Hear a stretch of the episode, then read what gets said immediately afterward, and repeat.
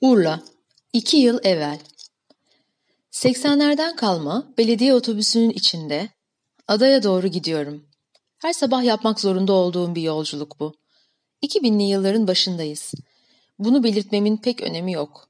Binli ya da 3000'li yıllarda olabilirdi. Zaman konusunda dikkatli sayılmam. Akrep ve yelkovanla aramda bir atomun içindeki boşluk kadar mesafe var. Buna uzun bir nefes, bir iç çekişte denilebilir. Sayfalar dolusu ağdalı betimleler yapmayı hiç sevmem. Karşılamış asfalt yolu kenarındaki okaliptüs ağaçlarından sarkan dallar, dallardan dökülen yapraklar, yaprakların üzerine örttüğü kırık kaldırımlar, az ötede havalanan göçmen kuşlar, kendisine yer vermem için tepemde dikilen yaşlı teyze. Bunun gibi ayrıntıları senin hayal etmeni yeğlerim. Elbette sana yardımcı olmak isterim. Söz israfından çekinerek hikayemizin yekpare zamanın göğünde asılı kalmış ruhuna davet ediyorum seni. Ben sadece hikayelerini anlatmayı bekleyen ruhların ağzı, eli ve bedeniyim. Onların iyi birer hikaye anlatıcısı olup olmadıklarını göreceğiz. Sen de kelimelerle cümleler arasında gezinirken hikayeleri düşleyebilme gücünle yardımcı olabilirsin. Az evvel tepemde dikilen teyze elinde bastonu icbar eden bakışlarıyla beni süzmeye devam ediyor. Bacak arasına sıkıştırdığı pazar sepetinde kuru üzüm ve kekik demetleri var.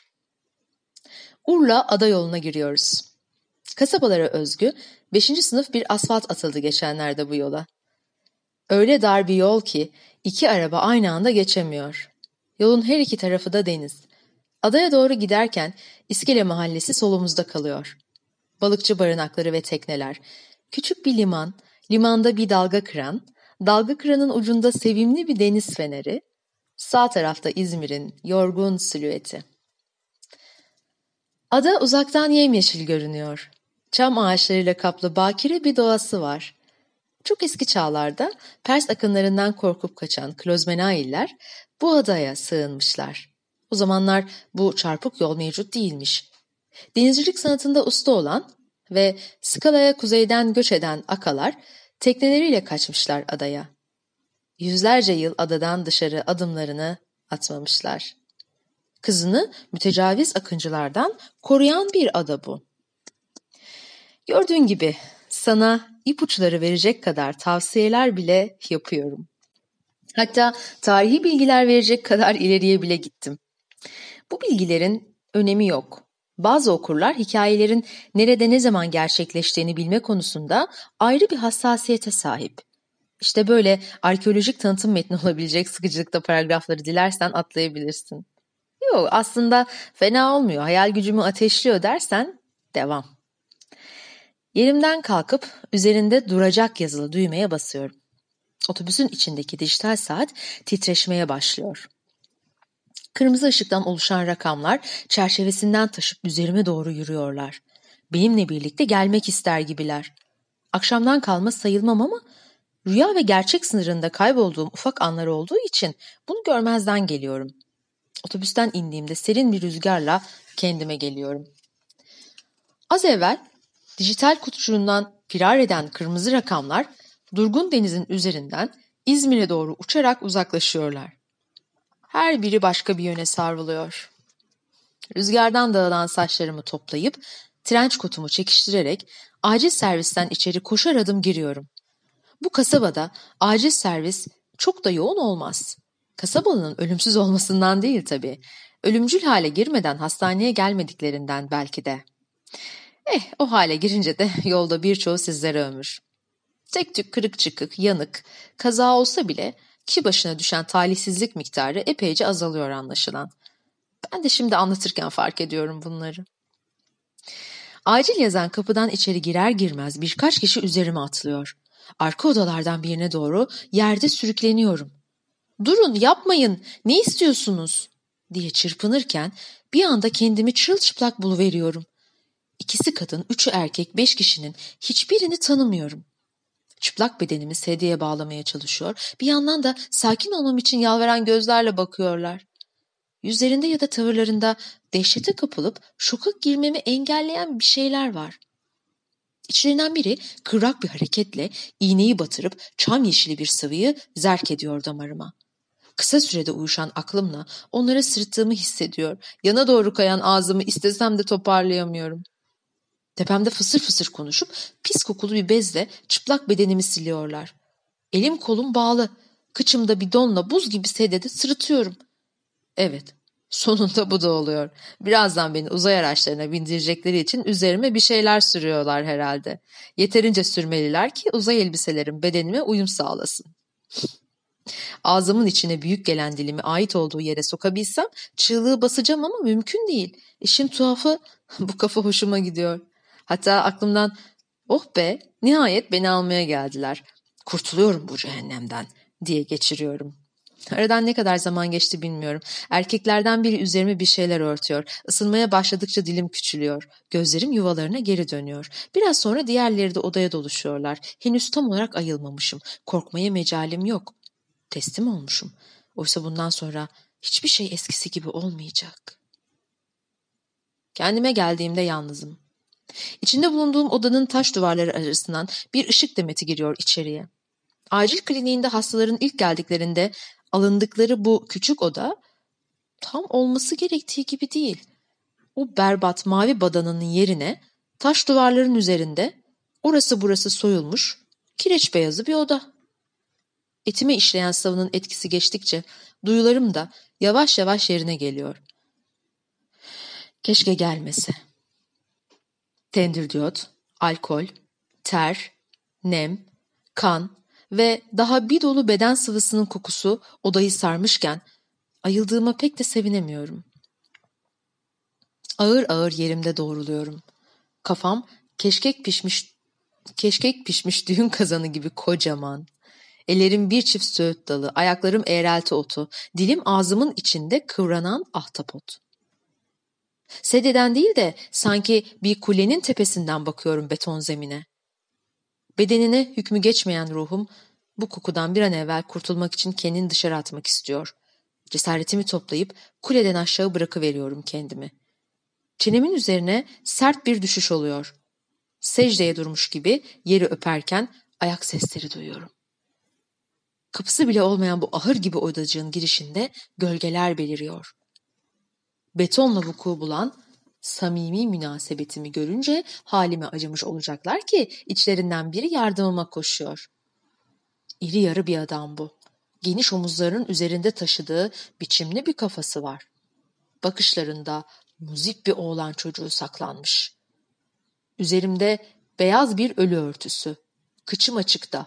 Kafam düğün tenceresi gibi. İçinde tanecikler yüzmekteyken koca adam bir çırpıda kucaklayarak sedyeye oturtuyor beni. İyi misiniz? Evet, Lepül yani bilmiyorum. Ne diyorum? Beynim eriyor. Kalan sıvının içinden sese dönüşen harfler anca bu kadar örgütleniyor. Susuyorum. Aval aval bakıyorum adamın suratına. Odanın girişinde bekleşen gölgeler fısıldaşıyor, gülümsüyor. Bazısı da boynunu eğmiş, çıt çıkarmıyor. Size verdiğimiz ilaç her şeyi kolaylaştıracak.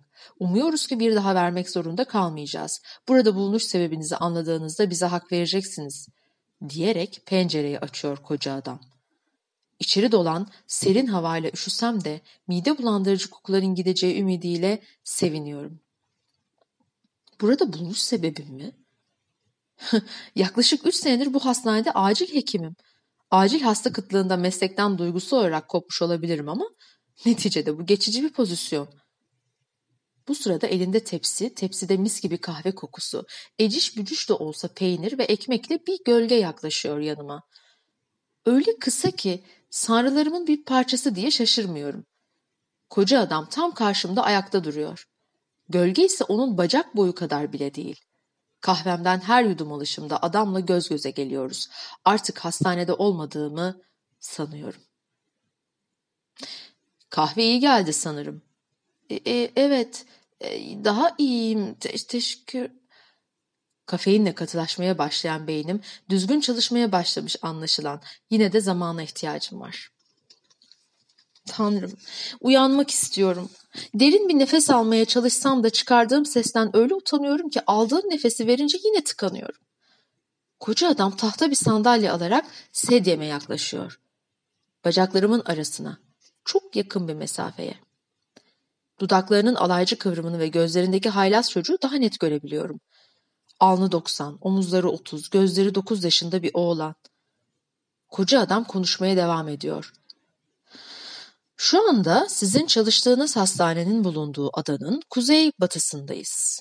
Bu ada çok uzun zamandır bana ve arkadaşlarıma ev sahipliği yapıyor. Şu an sizin zamanınızda değiliz.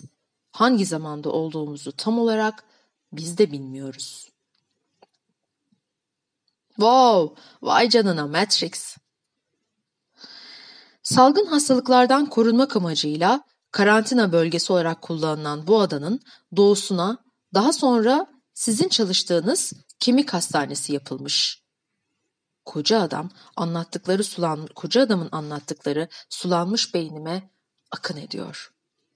Ağzımın içindeki ahtapot debelenmeyi bırakıp ait olduğu okyanusa dönmüş olacak ki anlamlı bir kelime sarf edebiliyorum. Sededen inmeye çalışırken bana yardım ediyor.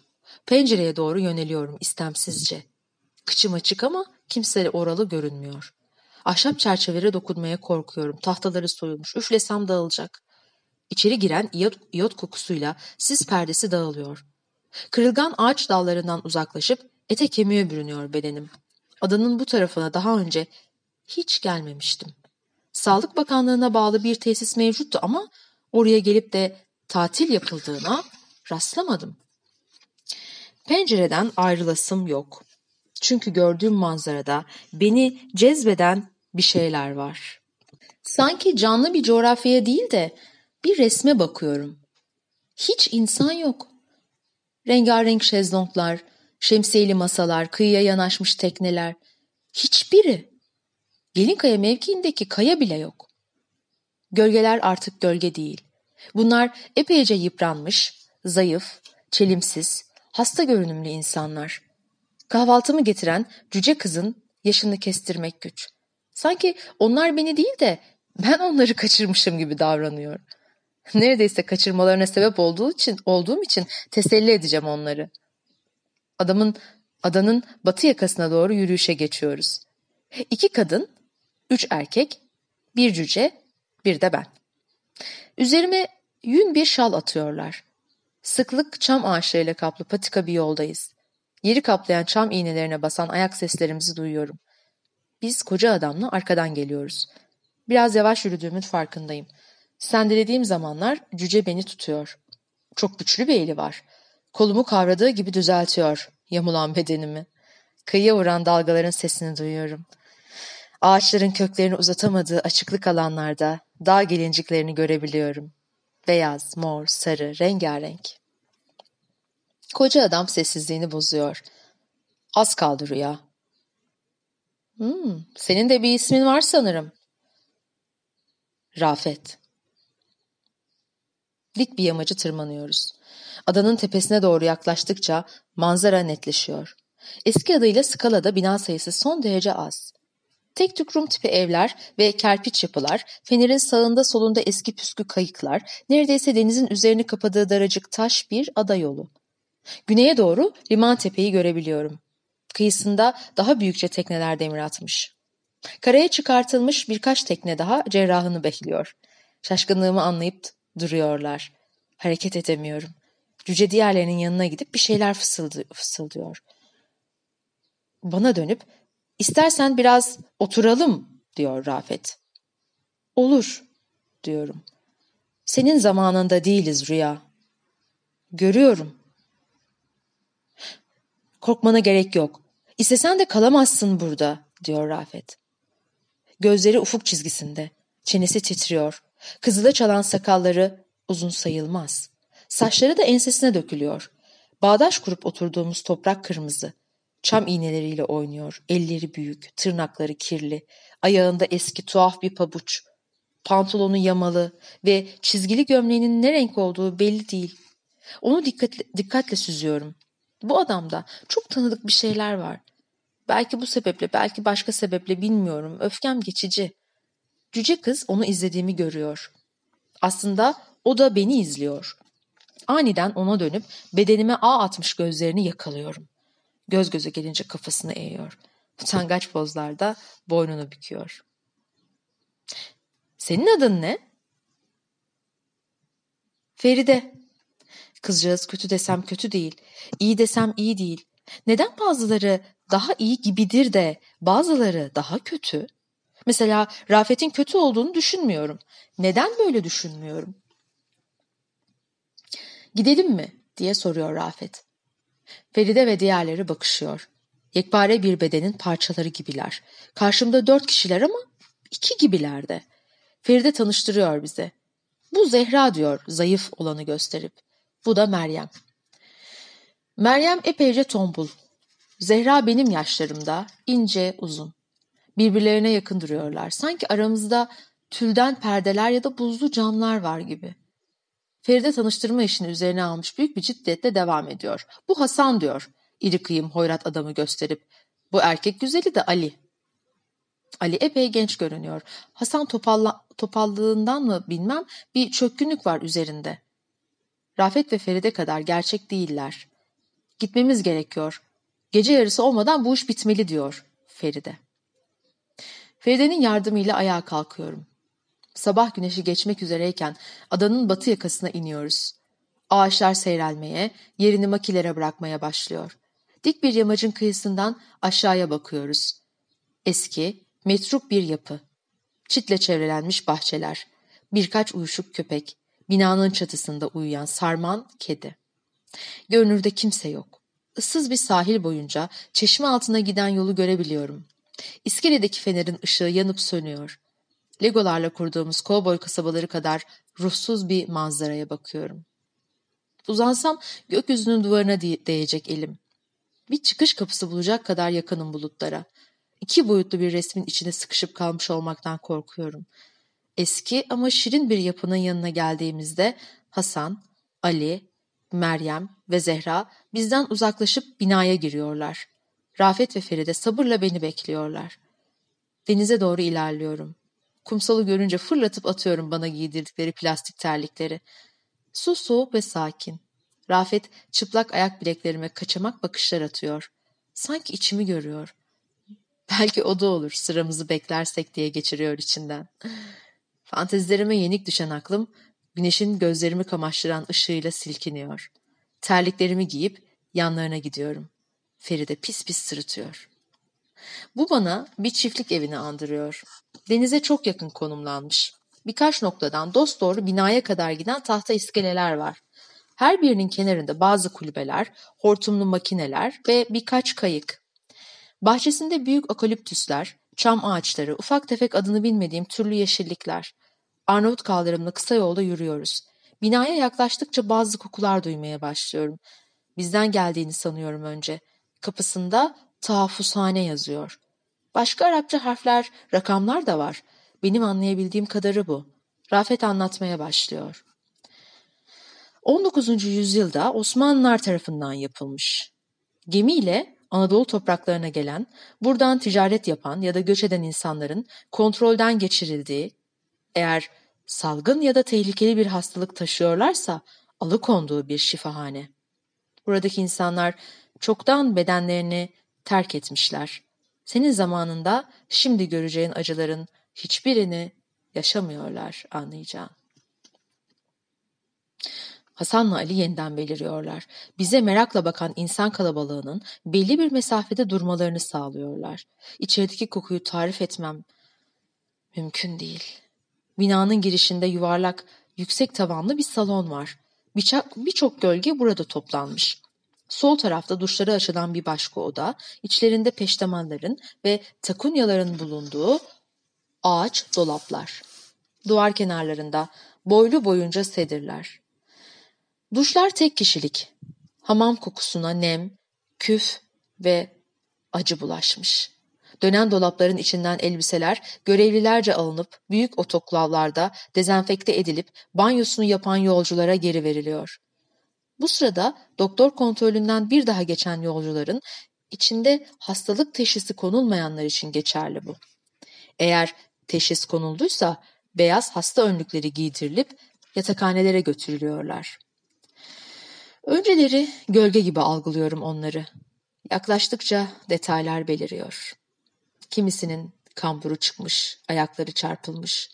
Kimisinin el parmakları düşmüş, kimisinin burnu kopmuş, derileri sertleşmiş. Kadın, çocuk, genç ve yaşlılar.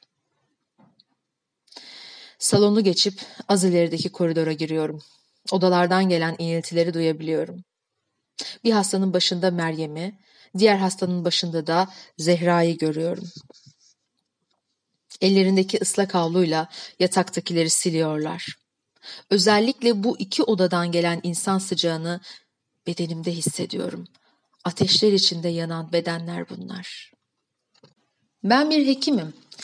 Acil müdahalelerim, kopmuş kol ve bacak görmüşlüğüm, ölü kesip biçmişliğim var elbet ama bu gördüklerim başka. Beden bir anda parçalanmıyor. Ölüm aniden gelip seni kanatlı atını alıp çekip çıkarmıyor beden mezarından. Usul usul sokuluyor. Zehrini sinir sisteminin içine ağır ağır zerk ediyor. Cüzdanla ilgili bildiklerim yanıldığıma yetmez. Bu hususi çalışma gerektiren birçok hekimin de uğraşmayı istemeyeceği bir alan. Bulaşıcı hastalıklar ne zaman nereye evrileceği belli olmayan, ani ataklarla bedeni ele geçiren, tedavisi son derece güç, sabır gerektiren, her an ölüm riskiyle çalıştığımız durumlar. Aslına bakarsanız hekim olmayı da öyle çok istememiştim.